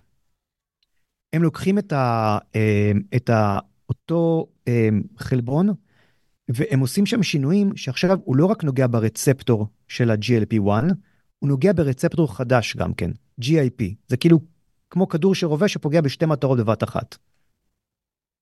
אוקיי, למה? למה? כי זה, הם, הם, הם מגלים שזה מוריד קל אם הם עושים את הדבר הזה. אז הם יודעים כבר להגיע ל-20% הורדה במשקל בתרופה הכי חדשה שאושרה הקיץ. ש... זה נקרא Tirzepatide, או Zepbound, השם המסחרי שלה. אז עכשיו יש להם 18-19 שנה פטנט שמגן עליהם, והם יכולים למכור את כן. הדבר הזה, עלה להם, אני מניח, מאות מיליונים, מיליארדים, רק לערוך את הניסויים על דבר כזה, כדי כן, לקבל את האישור של ה-FDA. כן. מה מונע עכשיו מבייר וכל מיני חברות אחרות לזוז סנטימטר שמאלה ולהתחיל למכור משלהם? על בוננזה כזאתי? קודם כל לוקח זמן, נתחיל מזה, לוקח זמן לפתח תרופה. זאת אומרת, גם כל, כולנו עכשיו, אתה יודע, מסתכלים על הדבר הזה, אומרים יופי, ננסה, לזוז שמאלה ימינה זה לא מספיק, כן? אתה צריך לזוז קצת יותר שזה לא יראה טריוויאלי שזזת. עכשיו, כמו שאמרנו, זוכר מה אמרנו? extreme engineering? כן. אני יכול לזוז ממש מעט וזה לא יעבוד כלום. זה יתחרבן לחלוטין. זה מדהים, אני לוקח את החומצה השומנית הזאת, אני משנה אותה בקצת, וזה לא עובד. ואנחנו יודעים פשוט... למה זה לא עובד, או שאנחנו פשוט מסתכלים ואומרים, זה, אוקיי. לא, זה, זה לא נקשר טוב לאותה רכבת, הנוסע לא עולה לרכבת, הכרטיס לא מתוקף. כן, עזוב, עזוב, אבל אם אני מוריד את ההסבר המדע פופולרי, בסוף יש איזשהו חומר בתוך הדם, כן, שצריך כן. להתחבר, שצריך להיק... לא יודע מה, בוא נקרא, לו, בוא נקרא לו שם, אלבומין, זה החומר. אלבומין, כן? אוקיי, אז יש חומר כן. בשם אלבומין, הוא גדול הרבה יותר, הוא נדבק, נדבק טוב לאותו חלבון, כן? זאת אומרת. המנגנון כן. בסוף הוא כימי ביולוגי, ואי אפשר לבדוק את זה, זאת אומרת, נשים כזה אלבומין בצלחת פטרי ונראה כן, אז, איך אז, הוא נדבק נ... טוב או לא טוב. נכון, אבל אני כבר, כדי להיות, אני, אתה יודע, להיות בה, שחברה כמו בייר או משהו כזה, אתה לא בא ואתה עושה תרופה שהיא more of the same, אין לך שום טעם לזה, כי הם כבר תפסו את השוק, אתה חייב לבוא עם משהו שהוא כאילו מקדם, מקדם את זה לדבר עוד יותר טוב. למה? תסביר, לי, תסביר את הדבר הזה, הרי טבע בנתה אימפריה קטנה על... טבע היא גנריקה. נכון. היא לא, היא לא, היא גנריקה, היא לא, היא לא עושה תרופות שהן חדשות לצורך העניין. אבל מה אכפת לי כצרכן מחדש, זה לא, זה לא ג'ינס, וגם בג'ינס לא כזה אכפת לי, מה אכפת לי, אם בייר יכולה לחתוך את את המחיר בחצי, אז יאללה, תעשו תחרות. היא לא תחתוך את המחיר בחצי, כי אתה יודע כמה עלה לה התרופה הזאת, היא לא, היא לא תתחרה על מחיר בהכרח. זה לא, לא על זה אנחנו מתחרים. אנחנו מתחרים בדרך כלל על פעילות, על, על נוחות, כן? זאת אומרת, אתה יכול לבוא, לקחת תרופה כזאת פעם בחודש, פעם ב... החברה שלנו מנסה לפתח את זה פעם, אתה יודע, פעם בכמה חודשים שתיקח את זה. זה, זה הרעיון. אז בוא תסביר שנייה על מה אתם עושים. כשאתה מגיע, אתה כן. רואה בעצם את הערך המטורף הזה לאנושות. זאת אומרת, מי שמזלזל בקצת להוריד משקל, אז כנראה שאף פעם לא הייתם עם עודף משקל. זה לא קצת, זה, זה, זה 20 אחוז, זה ברמות... כן, כן, אני בכוונה כן, אמרתי, גם אם זה כן. לא 20 אחוז, גם אם זה קילואים ספורים, עד שלא ניסיתם ולא הצלחתם, והייאוש ומה שזה גורם כן. לכם בחיים, באמת תימנעו מלהיכנס לשיח, אבל אנחנו גם רואים שיש פה גם... על הדרך, אה, וזה מחקרים שאני רואה שיוצאים מדנמרק, גם השפעה על הלב, השפעה מאוד חיובית. זאת אומרת, אנחנו מדברים נכון. פה על תרופה, או על בעצם מנגנון ביוכימי, שבאופן כללי הוא מאוד חיובי. מאוד מאוד חיובי לא לרוב המוחלט של האנשים שיקחו איתו. יש אנשים שאתה יודע, מספרים שזה מציל להם את הנישואים, כן? אנשים שסובלים מעודף משקל וכל זה, זה באופן טבעי, אתה יודע, זה משהו שמשקל יש לו כל כך, הוא מעבר ל, למשקל, כן? זה כן. גם בריאות וזה גם סטיגמה וזה כל כך הרבה דברים אחרים, שבעצם היכולת שלך לנהל אותו פה זה באמת תרופה שעושה הבדל מהותי. כן, בקיצור מה שאני אומר זה שאתה מסתכל גם על פונקציה טובה, זאת אומרת משהו טוב, איכותי לאנושות, כן. פלוס אתה מסתכל פה על הר של מזומנים שמחכה שיכבשו אותו, וזה מגניב, אתה יזם, אתה צריך להסתכל שם. אז מה, נכון. כשאתה רואה את הדבר הזה, אתה צריך לתקוף עכשיו, אתה צריך להביא בשורה כלשהי. אז נכון. תמנה לי את האפשרויות. אה, כן. להזריק פחות בתכיפות נמוכה יותר, זה אחד, זה נכון, אמרת. נכון. מה עוד יש? יש אה, לפגוע ביותר רצפטורים באמצעות אותה תרופה. אז למשל, יש עכשיו לאילי לילי, כרגע ב clinical trial, יש להם עכשיו חלבון חדש שהוא לא פוגע בשתיים, הוא פוגע בשלושה רצפטורים שונים. הוא פוגע גם ב-GLP-1, גם ב-GIP וגם בגלוקגון. זה שלושה רצפטורים שונים, והם חושבים שהם יגיעו לעוד יותר ירידה במשקל באמצעות הדבר הזה. כשמה התוצר של לפגוע בכל הרצפטורים האלה? זה תחושת שובע חזקה יותר? חזקה יותר כנראה, המכניזם הוא לא תמיד ברור עד הסוף, כן? אגב, יש פה, בוא, בוא נלך רגע לפרדוקס, בוא נתחיל רגע למה ביולוגיה זה דבר מסובך והאינטואיציה שלך מתה בביולוגיה. לי אין אינטואיציה בכלל, אז הכל טוב. אוקיי, אז סבבה. אז אמרתי לך ש-GLP-1 ו-GIP, אתה צריך, אם אתה פוגע בשניהם, מצבך מעולה, נכון? זו התרופה החדשה של... כן. כך אמרתי. זה לא אני אמרתי, זה הילה לילי, הראו את זה בדברים שהם ב-FDA. ה-FDA אישר, אז הכל סבבה. ומדפיסים כסף, אנחנו אומרים חברה מדפיסה, מדפיסה, מדפיסה כסף, יופי. הגיעה חברה אחרת, אמג'ן, חברת ענק אמריקאית. היא אומרת, רגע, רגע, חברים, אני הסתכלתי, אני הלכתי, יש לי database גנטי. באיסלנד, יש להם database גנטי מטורף. מחקרים מטורפים יוצאים משם, קראתי, היה איזה כתבה הארץ עם הבחור שמנהל את המאגר הגנטי הזה, תמצאו את הכתבה, פנטסטית. מטורפת, פנטסטית. כן. עכשיו, הם, הם קנו את החברה הזאת באיסלנד, שיש להם את המאגר הזה, הם קנו אותם, אז יש להם בעצם יכולת לעשות מחקרים שלהם. הם אומרים, לא, לא, לא, התבלבלתם חברים, אני מסתכל על אנשים, על מוטציות נדירות בגן הזה שנקרא GIP, מוטציות שהורגות אותו, שמורידות את הפעילות שלו. ואני אומר לך, אנשים שיש להם את המוטציה הזאת, הם יותר רזים. אז אני חושב שצריך לעשות הפוך, אני חושב שצריך לחסום את הפעילות של הדבר הזה. ויש להם עכשיו תרופה בניסויים שחוסם את הפעילות מצד אחד של הרצפטור הזה, וממשיכה את ה-GLP-1, ממשיכה לתת בראש. עושה אותו דבר כמו התרופה השנייה. זאת אומרת, היא לא נקשרת לרצפטור, לשני רצפטורים, אלא נקשרת לאחד וחוסמת בעצם את השני מלקבל... עושה הפוך. כן. עושה הפוך. וגם הם יורדים במשקל בצורה פסיכית. אה, צריך גם להגיד שהאיסלנדים זה אוכלוסייה מאוד מאוד מאוד הומוגנית. לא, לא, זה לא, לא, זה, זה לא איסלנד, הם עושים את הניסויים האלה באוכלוסייה אוקיי, אמריקאית כבר. וזה כן? כבר עובד? התצפית, וזה זה ב phase, אתה יודע, אנחנו מדברים על phase-ים ראשוניים יחסית, אבל ב phase, אתה יודע, עכשיו ב phase או אחד או שתיים כרגע, זאת אומרת, אתה כבר מתחיל לקבל סיגנל, וזה נראה שזה עובד, ויש להם גם data של Human Genetics שמגבה את זה. וואו, איזה, איזה קשה זה לעשות ניסוי על, על משקל, כי גם אתה צריך, אתה יודע, בסוף הבני אדם אה, גם צריכים לא לשנות את ההתנהגות שלהם, כי אם בן אדם מקבל תרופה, אז האם, האם הוא אוכל יותר, האם הוא אוכל כן. פחות כדי לעזור לכדור, האם הוא מנסה לדפוק את הכדור, אה, כאילו, מה, אה, הזריקה? הוא הרי יש חלק שמקבלים פלסבו, כן? אז הם לא יודעים באמת מה הם קיבלו. אז אנחנו, בשביל זה אנחנו עושים את הניסויים האלה. אז כמו שאמרתי, האינטואיציה בביולוגיה, דבר קשה. extreme engineering, דבר קשה. אוקיי, אז יש את הרצפטורים, אתה מסתכל על, אז אמרנו, יש כמה רצפטורים שיכולים להיות קשורים לסוף, רגע, עוד פעם, פתיחת סוגריים, כי אני חייב כזה גיקונומי. אה, כל מי שהיה צרכן אה, של אה, תרופות ADHD למיניהם לאורך השנים, כמו שאני הייתי עד שהפסקתי לפני כמה שנים, יש שם תחושת שובע קיצונית. זאת אומרת, אתה לוקח את הכדורים האלו, ואין רצון לאכול במשך המון שעות, בגלל זה הרבה אנשים לקחו את זה ככדורי דיאטה. זה תרופות ממריצות, וזה בדיוק מה שממריצים בדרך כלל עושים. זה אותו... זה, זה, זה קשור? מבחינה ביולוגית זה קשור? לא, לא, ב, לא, לא, ב, לא בפשיטה של הדבר, לא, זה לא קשור. לא. Okay. אוקיי. זה, זה רצפטורים שונים לחלוטין. fair enough. אולי בהמשך זה מתנקז, אבל זה רצפטורים שהם, שהם שונים. סגרתי עוד סוגריים ואנחנו חוזרים כן. עכשיו לאפשרויות שיש לה... מולכם, אז אמרת יופי, אז אנחנו עושים משהו אחר לגמרי. אנחנו עושים משהו אחר, אנחנו אומרים, למה לי בכלל לקודד חלבון? לא רוצה לקודד חלבון, חלבון מתפרק מהר, חלבון אני צריך לעשות כל מיני שינויים משונים, להעלות אותו על רכבות, להוריד אותו מרכבות, נכון? כל הדברים האלה. לא רוצה. אתה יודע מה יודע לקודד חלבון? RNA. אני יכול לתת לך את ההוראות, למה אני צריך לתת לך את החלבון? אני אתן לך את ההוראות איך לקודד את החלבון הזה. ואם אני אתן לך את ההוראות איך לקודד את החלבון, ואני יודע את ההוראות האלה לשמור לאורך זמן, אז למעשה אני יכול בעצם להגיע למצב שאם אני גומר, גורם למולקולת RNA הזאת לשרוד בגוף במשך שבועות או חודשים, היא כל הזמן תפריש את החלבון.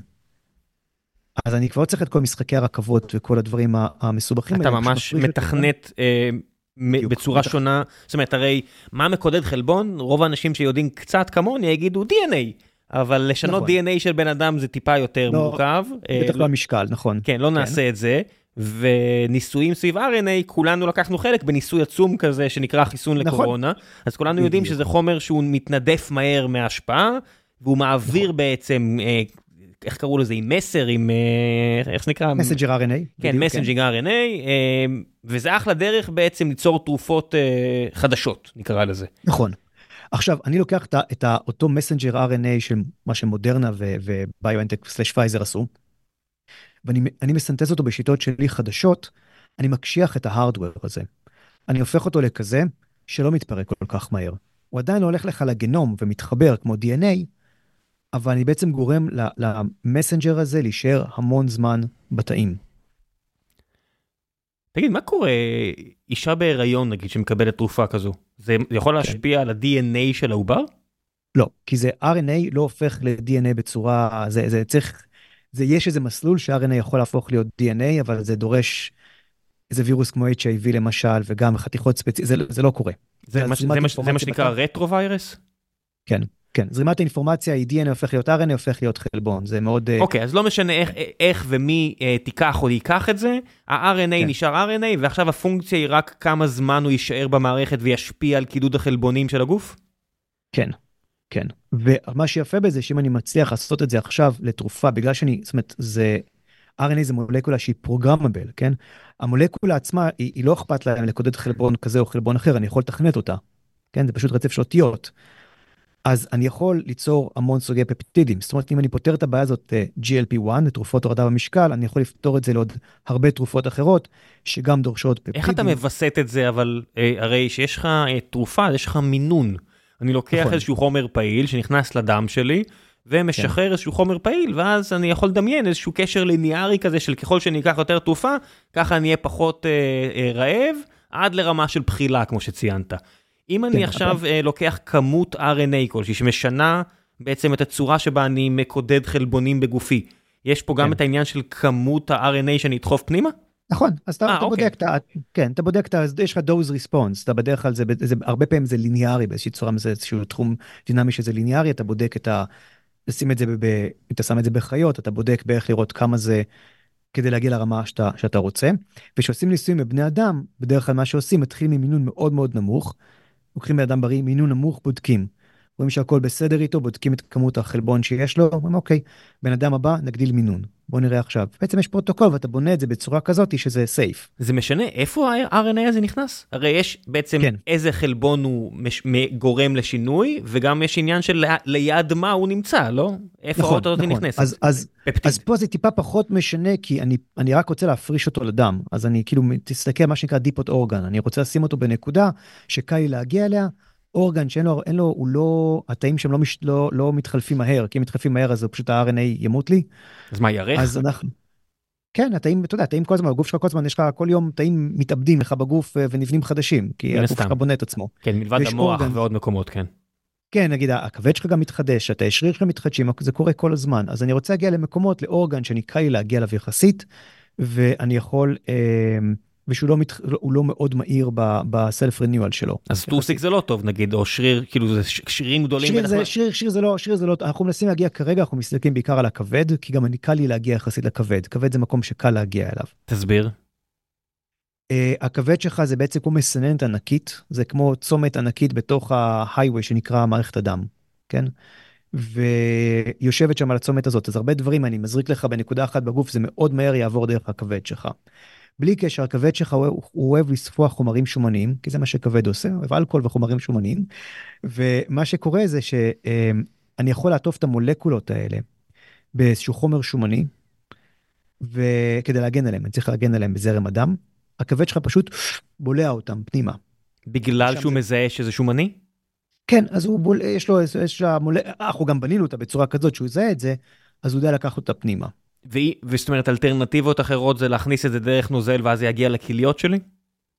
כן אבל הכליה שלך לא הייתי רוצה כל כך להתעסק זה מקום שהוא רגיש יחסית פחות תסביר. Uh, כן. זאת אומרת זה, זה, הוא... מה, שאתה אומר עכשיו זה טריוויאלי? זאת אומרת הבחירה... זה, זה לא עכשיו... טריוויאלי זה פשוט מבוסס על ניסויים אנחנו רואים נגיד יש הייתה חברה ישראלית שהתעסקה עם מעבר של גם תרופות דום לא RNA כזה לא messenger RNA אבל RNA שונה לכליה אנחנו רואים הרבה פעמים שזה גורם ל toxicity בכליה, הם, הם פחות אוהבים את הדברים האלה. הבנתי, הם, אז זה לא איזשהו ידע שהוא טריוויאלי למי שכמוך, לא. שהוא, שהוא יודע, דוקטור לביולוגיה, אלא פשוט עניין של ניסוי וטעייה.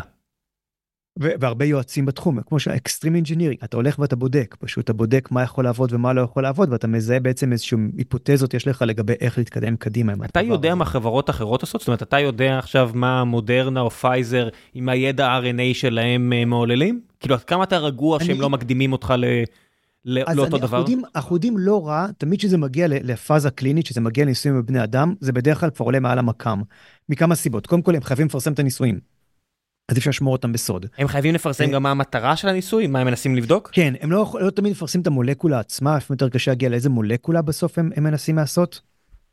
אגב, כשהתרופה מאושרת, אני יודע בדיוק את המולקולה. זה הכל, זה פתוח באינטרנט. בסדר, זה העניין של IP, אתה מקבל הגנה ואתה נכון. חושף את המדע. הם גם הרבה פעמים עושים את ה-IP, אתה יודע, אפילו לפני הפייס 1 כבר עושים את ה-IP.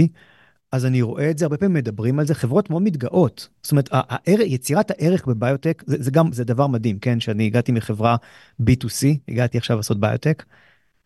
ב-B2C, אתה יודע, אנחנו מתחילים את היום, סוף היום, נכנס כסף לחברה, יופי, נכנסו כמה מיליונים, היה יום טוב, יום פחות טוב, אבל זה מה שקורה ב-B2C. בביוטק אתה עסוק בלהפסיד שנים. שנים אתה מפסיד. בלי דולר אחד. שנכנס. בלי דולר אחד, יש חברה נקראת פרקטל uh, תרפיוטיקס, בדיוק עשתה IPO ממש עכשיו בסוף שבוע האחרון, תראה את ההכנסות שלהם ב-2023, הם עשו 100 אלף דולר בהכנסות, והם חברה ציבורית עכשיו, הם גייסו עכשיו איזה 100 מיליון דולר. כי זה ביוטק, אתה מפסיד, מפסיד, מפסיד, מפסיד, מפסיד, פתאום מקבל איזה בוננזה כזה, כן, איזה אילי לילי כזה, איזה, איזה נובו נורדיסק, יכול למכור במיליארדים וזה נהיה אחרת לגמרי, אבל זה, זה שורפים, שורפים, שורפים כסף ובבת אחת זה כזה אירוע מאוד uh, בינארי בסוף, של 0-1. החבר'ה שמהצד שבעצם אתה מגייס מהם כסף, נהיים חכמים יותר? זאת אומרת, הם, uh, הם מתחילים להבין את הפוטנציאל uh, של messaging uh, RNA יותר טוב עכשיו בגלל מה שקרה ב-2000? כן, כן, יש ממש גם קרנות כאילו? שמת, כן, כן, יש קרנות גם שמתמחות בכל הדבר הזה, קרנות שזה נקרא רפואה גנטית. אני בעצם, אני בונה תרופה, שתרופה היא גן. זה נקרא רפואה גנטית, ויש ממש קרנות שזה שם התמחות או sub התמחות ברפואה גנטית. עד כמה מה שאתם עושים הוא uh, תלוי הטכניקה הזאת של ה-RNA הספציפי, לעומת המולקולה הספציפית. זאת אומרת, הרי אם אתה פותר משהו טכנית של רק איך להעביר תרופה בצורה אפקטיבית, אולי זאת החברה.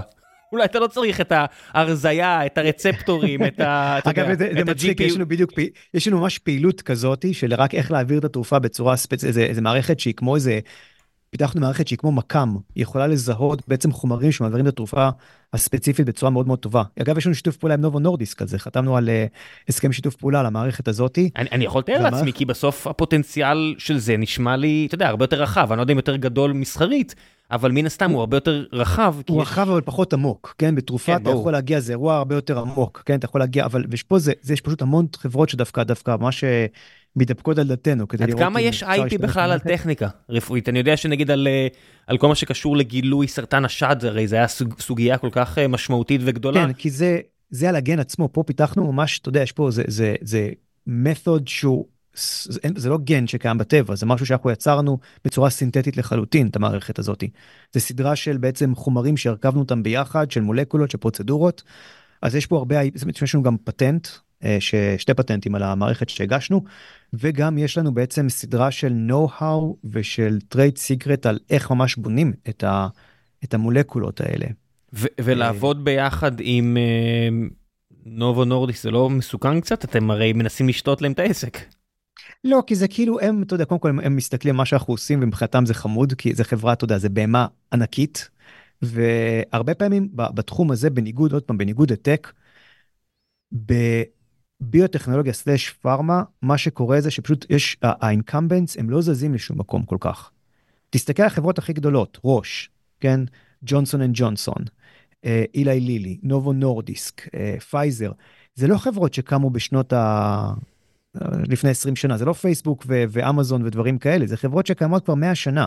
כן. אז המודל בדרך כלל בדברים האלה שהחברת ביוטק החמודה מתקדמת, מתקדמת, מתקדמת, ואז בשלב מסוים הן שמות צ'ק מאוד גדול, כי יש להם כיסים עמוקים, ופשוט קונות אותם. ככה התחום הזה גם אין לך הרבה ברירות הרבה פעמים, כי אתה צריך את הכסף. הניסויים מאוד יקרים. כן, אתה יכול או לקבל כסף מהציבור, שזה הנפקה, או מאיזשהו משקיע פרטי שיש לו את היכולת להסתכל 10-20 שנה קדימה, מה שלרוב המשקיעי הון סיכון אין, או שאתה מוכר כמו טאטה לענק שידע. זה בדרך כלל מה שקורה בדברים האלה וגם זאת אומרת החברות נגיד הגדולות שקמו בשנות התשעים המוצלחות כן נקרא לזה ורטקס שקמה בשנות התשעים ואמג'ן וקצת על ניילם שבשנת 2000 כמה זה חברות שבסוף המוצלחות שוות כמה עשרות מיליוני דולרים. מיליארדי דולרים. ורק לך. מה זה? מיליארדי דולרים, סליחה, כן. מיליארדי דולרים, כן, מיליארדי דולרים, והם לא, אתה יודע, זה לא, זה לא פייסבוק וגוגל ואמזון. בסדר, גם רוב הסטארט-אפים שעושים תוכנה הם לא פייסבוק, אמזון וגוגל. נכון, אבל, אבל בקטגוריה הזאת, אבל יש. קטגוריות, כן. כן. אתה, אתה יכול לדמיין, נגיד, שעוד, נגיד, טוב, חוץ אפל זה באמת אולי באמת outlier, אבל אתה יכול לדמיין, כן, שעוד נגיד 20 שנה, זה לא, מי שהוביל את הטכנולוגיה זה לא החברות האלה. לא, OpenAI, אנחנו רואים דוגמה ב live עכשיו. נכון, אתה רואה חברה שהיא ממש חדשה. כן. לא, לא יכול להיות, אתה לא יכול, אין לך גישה, אין לך את העניין של הגישה לכסף, לא, אף אחד לא ייתן לך את הכסף הזה. זה, זה לא הגישה, זה תחום שהוא קודם כל אני צריך כל כך הרבה capital כדי ליצור מוצר. אני מדבר על זה, כן, אין, אין לך כן. גישה לכמויות עצומות של כסף. זה פשוט לא מסתדר. הוא, הוא, הוא רגולציה, יש עליו רגולציה, אתה יודע, זה אולי חוץ מכורים גרעיניים, זה הדבר שיש עליו הכי הרבה רגולציה, להביא תרופה לשוק בסוף, כן? שניהם משנים את ה-DNA, אתה יודע, או מנסים לשנות את אה, ההשפעה לא של ה... כן, לא, לא כולם. בוא נדבר באמת על, בוא נדבר על, הזכרת כן. את ה... אנמיה חרמשית, אנמיה חרמשית. אגב, מחלה... מחלה מרתקת מבחינה גנטית, כן? כי למעשה מה שקורה שם זה איזשהו ניסוי אבולוציוני שעלה לא רע בכלל, כן? מה קורה? יש בהמון, באפריקה ובמזרח התיכון, היה מלאריה, היה, שנופלס היה מלאריה. לא היה להם חלוצים שיבשו את הביצות במשך אלפי שנים, אז האבולוציה הייתה צריכה למצוא איזשהו משהו שהתמודד עם המלאריה. מה שהאבולוציה בעצם מצאה, היה אנשים שנהיה להם מוטציה גנטית, שברגע שהטפיל של המלאריה נכנס לתוך הדם, הטפיל, הכדורית הדם היא כזאת שהיא היא, היא חלשה, יש לה איזה בעיה בכוונה של בעיה מבנית, היא קורסת, ואז הוא לא מסוגל להשתכפל. ברגע שיש עליה לחץ, היא נשברת ו- ולא מסוגלת להשתכפל. אצל עיראקים למשל, G6PD, מי שרגיש לפול, זה אחד מהדברים שקיבלו. אצל אנשים באפריקה, בחלק מהמקומות באפריקה, זו אותה מחלה בעצם שגורמת לאנמיה חרמשית. עכשיו, מה קורה? אם אתה מקבל את הגן רק מאימא את הגן של המחלה או רק מאבא, אתה חי חיים נהדרים. אין לך שום תופעות לוואי, אתה רק חסין למלאריה בגדול, די חסין, ולכן האבולוציה אומרת מעולה, הגן הזה צריך לעלות בכמות שלו. יש לזה גם השפעה שקשורה לויטמין D, יש, יש איזה השפעות אחרות. יש השפעות, אבל, אבל אם, אתה, אם אתה בגדול, מצבך יותר טוב מלא לשנה לך את הגן. אם אתה בסביבה של מלר, מלאריה, מצבך מלאריה, פנטסטי, כן. כן. מצבך פנטסטי. אם אתה מקבל את הגן גם מאמא וגם מאבא, את הגן המחלה, מצבך גרוע מאוד. הכדוריות דם שלך הן כל כך חלשות, שזה כבר לא רק שנכנס הטפיל של המלאריה, הם פשוט כתוצאה למשל מקור, או כתוצאה מאיזשהו סטרס מסוים, הם פשוט יישברו לך, ואז זה מה שקורה, הם נהיות כמו צורה של, של חרמש. חרמש. הן נתקעות בכל מיני נימים דקים, כאבי תופת בגוף, יכול לגרום לזקפה ממושכת, כי זה נתקע שם דם פשוט כואבת רצח. וסדרה של מחלות, ומה שקורה זה שיש אנשים שפשוט סובלים מזה, בעיקר, אתה יודע, אוכלוסייה שחורה בארצות הברית, זה אה, אה, הגן הזה הוא נמצא ביחסית בגלל ההיסטוריה שלהם נמצא שם בסביבות יותר גבוהה. כן, אם, אם תחשבו, אם, אם לקחו אנשים בעל כורחם ואף אחד לא שאל אותם לאיפה לוקחים אותם, והאפשרויות שלך אה, להתרבות או לבחור בן בת זוג הם לא בדיוק בחירה חופשית ממגוון גדול, נחשו מה, דברים כן, כאלה בדיוק מקב... קורים. כשאף אחד לא שואל אותך, דברים קורים. קורה, ו, ומה שעכשיו בעצם עשו ב, ב, בגן הזה, שזה די מדהים, אה, זה טיפול באמת של חברת ורטקס. הם הצליחו לשנות באמצעות קריספר את המחלה הזאת, לרפא את המחלה. אבל בואו נבין רגע מה זה אומר, כן? כי קריספר זה אומר, אתה יכול לשנות DNA בתוך התאים, לעשות עריכה גנטית בצורה מאוד מדויקת, כמו ניתוח, אבל ברמה המולקולרית, שאני יכול לבוא עם, כמו איזמל מנתחים, ואני יכול לחתוך ממש מקטע מסוים של גן, לחבר, אני יכול לעשות שם סדרה של פעולות בצורה מאוד יחסית מאוד מדויקת. רק יש בעיה אחת, אני לא רוצה כל כך להפעיל את זה עדיין על בן אדם חי, כן? כי אני, יכול להיות שזה ילך למקומות בגוף שלא בא לי שזה ילך. מה אם זה ילך לאיברי מין שלו, וזה ישנה סייד אפקט, יכול להיות שהוא, החיתוך לא יהיה הכי מדויק, אנחנו לא רוצים את זה. אז מה שהם עשו בעצם בוורטקס, ברעיון, הם מוציאים לאנשים, דם אפשר להוציא לאנשים, כן? תאי מוח עצם, הם משנים את זה בצלחת, לוקחים בצלחת, שמים את התאים האלה, משנים שם קריספר את, ה, את, ה, את הגן, בודקים שזה עבד כמו שצריך, עושים לבן אדם כימו, הורגים לו את המוח עצם לחלוטין. ועכשיו מחזירים חזרה את התאים האלה. כן, כימותרפיה זה לא הקרנות בהכרח, מי ששומע כימותרפיה והוא מוטרג בגלל שהוא עבר טיפולים כאלה אחרים נגד סרטן, אז זה השילוב של הכימיקלים שהורגים בעצם את הפונקציה הבסיסית של הגוף, ואז גם מקרינים אותך. פה זה בלי הקרנה. פה, פה, פה כן. זה פה רק, זה רק הכימיקלים. להרוג, פשוט למחוק לך את המוח עצם, את התאים שנשארו לך, למחוק אותם כמה שיותר כדי לתת מקום לתאים החדשים שהוצאנו, וערכנו אותם גנטית. מזריקים את זה חזרה לתוך הגוף, ואז בעצם התאים האלה עכשיו תאי הדם שלך, ולא שאר הגוף. עשינו בהם שינוי גנטי, שמאפשר לבטא, אגב, הם עושים איזה טריק, הם פשוט, הם במקום, החלבון שלא עובד כמו שצריך, הם פשוט מבטאים איזה חלבון עוברי במקומו, ששם את החוזק המבני הזה על, על אותם תאים של תאי אדם. שמים patch, הם ממש עושים patch. patch לגמרי. עכשיו, אתה יודע, זה patch מורכב, כי עכשיו אתה לוקח אנשים שהם אנשים, אין להם סרטן, כן? עושה להם כימותרפיה. אגב, הם, חלקם יש להם בעיה, אחרי זה לא יכולים לעשות ילדים, כן? זאת אומרת, זה גם בעיה, הם נהיים, אה, sterile. כן. אלא אם כן אתה עושה להם, שומר להם ביציות, או שומר זרע בצד, או דברים כאלה. ו, וככה בעצם, זה, וזה שמה, הטיפול זה טיפול משוגע. מה שתיארת עכשיו זה, זה טיפול, שזה לא יאמן שה-FDA אישר את זה כמעט. כי זה, זה אנשים שסובלים מאוד, כן? המחלה הזאת היא מחלה כואבת, היא מחלה שהיא היא, היא, גורמת לסוג של נכויות מסוימות. אתה לא יכול לחיות את החיים שלך. עכשיו עוד פעם, זה טיפול שאתה מציע אותו, אתה לא מכריח את האנשים לקחת את הדבר הזה, והוא פשוט, הוא מרפא את המחלה לעד, זהו, נגמר, אין לך יותר את הדבר הזה. איזה, זה, זה לא נתפס שכאילו שזה מחלה שהייתה, אין מה, לא היה מה לעשות איתה, ופתאום כן. יש מאין, יש מאין תרופה. כן, יש תרופה, יש למעש תרופה, וגם תרופה שהיא הולכת כאילו, כאילו היא הולכת בצורה מאוד עקומה, כן? אני לוקח לך החוצה, כי אני מפחד לערוך לך בתוך הגוף, אז אני אקח את התאים שלך החוצה, אני אעשה לך כימותרפיה, אני אערוך אותם, אני בכלל, אני לא מתקן את הבעיה, אני פשוט שם לך פאץ' עם חלבון אחר ובריא שמצאנו אותו, גם מצאנו אותו פאץ' במובן הכי פיזי שיכול להיות, אמנם פצפון. הכי פיזי שיכול להיות, כן. כן? ואז אני מחזיר לך את התאים האלה לתוך הגוף, וזהו, ואין לך את המחלה, נכון, יש לך בעיות מהכימותרפיה עכשיו, אבל פתרתי לך את הבעיה הזאת. בוא נעשה קצת שאלות מן הקהל, כי אני תכף הופך לדלת. אה, יניב אפיק אומר אה, שאפו על הפרויקט החדש לזכרו של הנער, אתה רוצה לספר קצת? כן, אז uh, ראיתי ב... ב אתה יודע, ב-7 באוקטובר, את כל הסרטון באמת שנחת לי בראש, הסרטון הזה של, של ענר שפירא, שרואים אותו בתוך המיגונית, אה, זורק חזרה את הרימונים החוצה. אחד אחרי השני, כן. מה זה? אני אומר, אחד אחרי השני, זרק שם איזה שבעה, שמונה רימונים. כן, אחד אחרי השני, שבעה רימונים, אחד אחרי השני, זה פשוט משהו שאתה יודע, נחרט לי בראש, והסתובבתי עם זה ואמרתי, אני, אני, אני חייב לעשות משהו עם, עם, עם, עם הדבר הזה, עם הזיכרון הזה. ויש לנו פרויקט בחברה, אנחנו חברת RNA, אז יש לנו הרבה פרויקטים RNA, וקם פרויקט חדש בחברה, אה, שנועד לסינטוז RNA ארוך.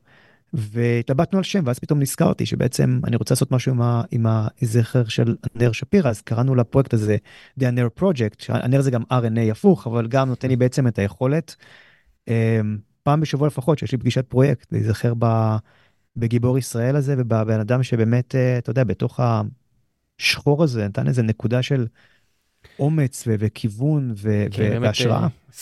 כן. סיפור שהוא כמעט אה, בלתי אפשרי לתפיסה עד שאתה לא רואה את הסרטון, אתה רואה כי ש- ש- שזה בדיוק כמו שזה. כן, אה, ויש גם, יש גם תמונה גם בתוכו, שרואים אותו כאילו, אתה יודע, מה, מהגב, שרואים אותו, כן. כולם שוכבים אחד על השני והוא עומד שם. הוא דרוך, כן. כן, וזה פשוט מדהים. אז uh, זהו, אז, אז שמתי את זה בטוויטר, ובאמת זה, זה קיבל כזאת תפוצה, זה היה מרגש לראות את זה, ואני יודע שזה הגיע להורים שלו, גם הצלחתי טיפה בטוויטר, טיפה התכתבנו. Uh, וזהו, וזה פשוט uh, באמת משהו קטן ש, שעשינו לזכרו. ו... יפה מאוד. Uh, שלמה שפירא uh, שואל, הוא מספר שהוא מסיים השנה תואר ראשון במדעי המחשב וביולוגיה, ואיך לדעתך הדרך הנכונה לשלב בין השניים? בין מדעי המחשב לבין ביולוגיה. אמ, אני חושב שכדאי למי שעשה תואר במדעי המחשב וביולוגיה ללכת וכן לעשות קצת ניסויים, כן, אם יש לו את האפשרות לעשות hands on במעבדה ביולוגית דווקא, ולראות איך בונים ידע בביולוגיה. זה אחרת לגמרי. עד שאתה לא רואה את זה ואתה חווה את זה ואתה אפילו נחרד מהדבר הזה, זכות עצמי, אתה יודע, חייל בשמונה, הייתי, למדתי תוך כדי הצבא, אז חייל ב-8200 מגיע למעבדות ביולוגיה ואומר, מה, ככה עושים את הדברים האלה? אין סיכוי שזה עובד. ועכשיו, אתה יודע, אחרי 20 שנה אחר כך, אתה מבין, כן, היה בזה דווקא הרבה היגיון בצורה ש, שכמובן, שעובדים. אז פשוט לקבל, זה ייתן אינטואיציה אחרת לגמרי. אחרי תואר ראשון בביולוגיה אה, ומדעי המחשב, קשה מאוד, אני חושב, בתחום הזה, בגלל שהוא דורש מיומנות גבוהה, אני חושב שהאפשרויות הן מוגבלות. אם הוא רוצה להישאר בתחום, אני ממליץ על מאסטרס דגרי, לפחות. אה, לא צריך דוקטור, לא צריך לקפוץ לדוקטורט, אבל אה, ברוב המקרים אני רואה, זאת אומרת, אנשים שיש להם רק את התואר הראשון יחד עם ביולוגיה, זה רק נותן להם את הטעימה לגבי התחום, וצריך איזה שנתיים, נגיד, שמאסטרס כדי לשבת ויותר להתמקצע וגם לחוות דברים hands on. מעולה, אחלה המלצה. אה, שלום ווליך אה, שואל, מה למדנו מהקורונה במובן של אה, מה הפתיע אותך בתוצאות? זאת אומרת, אם יש משהו, זה בכל זאת אחד הניסויים הגדולים בהיסטוריה, אם לא הגדול שבהם בסופו של דבר, שכולנו השתתפנו בו. אה, מה אתה מרגיש שלמדנו כאנושות? מה הצורה המדעית? בוא נראה, בוא נתמקד בצורה המדעית. כן, כן, אני יודע שלמדנו הרבה דברים דווקא על כן, כן, כן. הצורה החברתית של האנושות. מה למדנו בצורה המדעית של האנושות? אני חושב שלמדנו קודם כל שכמה אנחנו על צניעות וכמה אנחנו פחות יודעים ממה שחשבנו. אמרנו, אתה יודע, התחושה, לפחות ב-2019, אני ראיתי את זה, אני עבדתי ב-Human Genetics, בגנטיקה אנושית, מי שעבד על וירוסים היה נראה לי כמו איזה מי זה הליצן הזה? מה, אני, מה, מה אכפת לי מווירוסים בכלל היום?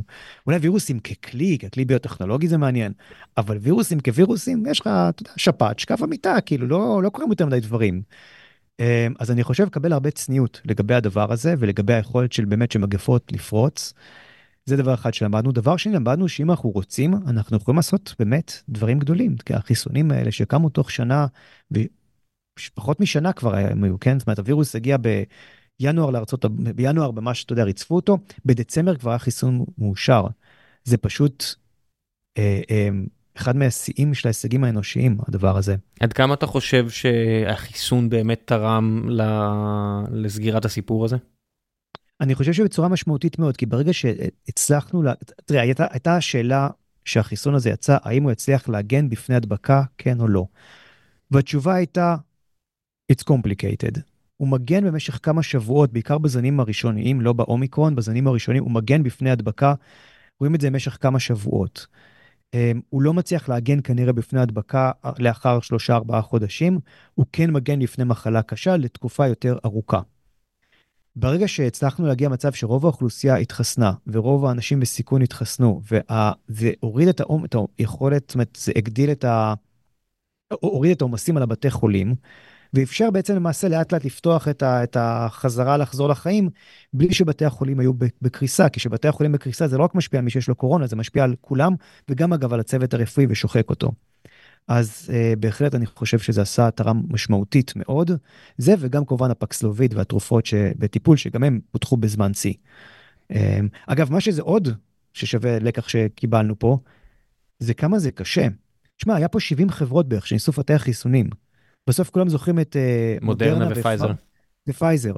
אבל היה עוד מלא חברות שניסו לפתח חיסונים ונכשלו אחת אחרי השנייה.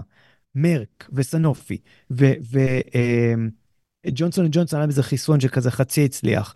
את המכון הביולוגי, כן, את הסאגה שמה. זה לא קל לעשות את הדברים האלה, זה לא קל, וראינו כמה זה קשה, אפילו במשהו שהוא חיסון שאתה יודע, זה הווירוס, כך הוא נראה, רק ליצור תגובה חיסונית נגדו, זה הרבה יותר קשה מאשר, זה, זה המחיש את ה... את ה אה, כמה זה לא פשוט ליצור תרופה.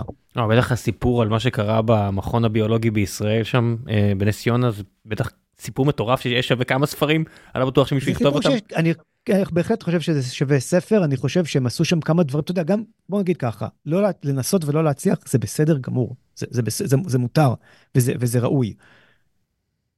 לנסות לא להצליח ואז להמשיך עדיין באיזושהי תחושה של כאילו אנחנו דוחפים לא משנה מה, פה זה כבר היה נראה לי, כבר היה צריך פשוט, זה היה נראה פשוט אגו ולא לא באמת ענייני.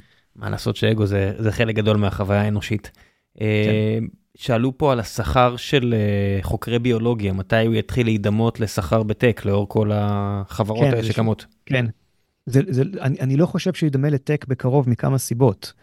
כמו שדיברנו על, ה, על, ה, על החוסר יכולת לעשות אבסטרקציה בביולוגיה, הביולוג הממוצע הוא לא יעיל, כן, כמו עובד של מדעי המחשב, כן? עובד טוב של מדעי המחשב יכול, אתה יודע, אתה יכול לעשות 13 אנשים לעשות חברה, זאת אומרת, חברת web טקית מעולה. וואטסאפ נמכרה עם איזה 20 אנשים.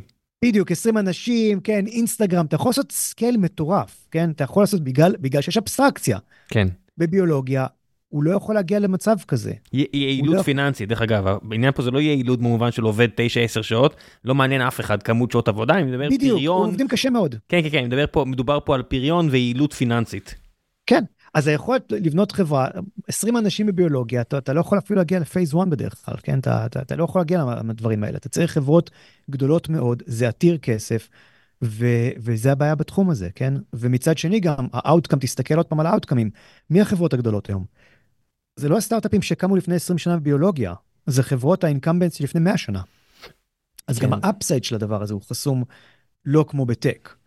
ולכן זה יוצר מצד שני אנחנו יוצאים תרופות, תרופות, אתה יודע, ש, שמצילות אנשים, זה הפלוס בדבר הזה, אז לא מגיעים מאותו שכר, אבל מגיעים, אני חושב, לאיזושהי תחושה מאוד טובה של, אה, שמה שאנחנו עושים בסוף, כן, אנחנו לא עושים איזה אופטימיזציה ל engagement ב-3% לאיזה email conversion. חד משמעית, יש גם ערך עצום לדברים האלה. טוב, חלק כן. אחרון בפרק, המלצות, מה שבא לך, מה קראת, שמעת, אה, עשית לאחרונה שבא לך להמליץ עליו? כן, זה, זה כבר פחות לאחרונה, אבל זה פשוט ספר שאני חושב עליו לא מעט, נקרא For Blood and Money, שזה ספר שמדבר על הפיתוח של, אה, זה נקרא, אה, זה, זה פיתוח של סוג סרטן מסוים, סרטן אדם מסוים, הצליחו לפתח מוצר שמעכב אנזים, זאת אומרת במינימום תופעות לוואי, כדי, ופתרו בעצם את הבעיה של הסרטן הזה. אנשים שהיו, מדברים על, על בן אדם שהיה בהוספיס כבר, one way ticket, קיבל את הטיפול הזה, ויצא מההוספיס, קנה לעצמו הרלי דוידסון כדי לנסוע בעולם ולהגשים את החלום שהיה לו. ואתה יודע, יש לך דמעות בעיניים, שאני קראתי את הדבר הזה, דמעות בעיניים. עכשיו, הקטע זה, שהספר מראה את מפעל הנקניקיות מצד שני. מי שהיה מנכ"ל החברה, זה בחור בלי ניסיון בביולוגיה. הקליים אוף פיים שלו הוא שהוא סנטיולוג, שמכר למקדונלדס את הרספי לעוגיות בשנות ה-70, ועשה מלא כסף מזה. אז הוא, והבן שלו נפטר מסרטן, הוא קנה איזה חברה מצ'וקמקת, חברת ביוטכנולוגיה מצ'וקמקת. היה שם את המולקולה הזאת, שגם היא הייתה, אתה יודע, במח, במחסנים כזה, זה אפילו לא המולקולה העיקרית. הם קיבלו את זה באיזה מכירת חיסול של חברה אחרת, שמו להם את זה בתור לה, להמתיק את העסקה, את המולקולה הזאת, את הזכויות עליה. זה היה חצי, כן, זה היה כמעט חרטא הדבר הזה. והם זיהו את הפוטנציאל, והצליחו להעביר אותה phase 1, phase 2, phase 3, ופשוט ליצור חברה פגז, ויש שם סיפור, זה גם סיפור יצרי, כי באמצע הוא פיטר אנשים והם הקימו חברה מתחרה, זה, זה פשוט ספר ש, שכיף לקרוא אותו, הוא גם, הוא מראה את מפעל הנקניקיות מצד אחד, מצד שני אתה תמיד המטרה הגדולה, מרפאים אנשים מסרטן, זה דבר מקסים. אז אני ממליץ עליו כן. בחום על, ה, על הספר הזה. כן, אתה יודע, בסוף תזכרו שגם אילון מאסק, עד שהוא קנה את החבר'ה שהקימו את טסלה ועבדו קשה על הסיפור הזה והם הקימו, כן. הם עשו את הרודסטר שלהם כדי שיהיה טסלה מודל 3 היה צריך crazy uh, person, אז הנה crazy person הגיע, הרבה פעמים הקרייזי פרסון סנטיולוג, אתה יודע, אתה אומר, הוא לא מהתחום לגמרי, הוא לא מהתחום, אבל עדיין הוא הצליח להביא את החברה הזאת להישג, זה פשוט מראה, אתה יודע, זה, זה מראה כמה התחום הזה הוא באמת משוגע. זה מה יש. טוב, כן. תודה רבה ידידי. יופי, תודה רבה ראם. עד הפעם הבאה. ביי ביי. ביי ביי.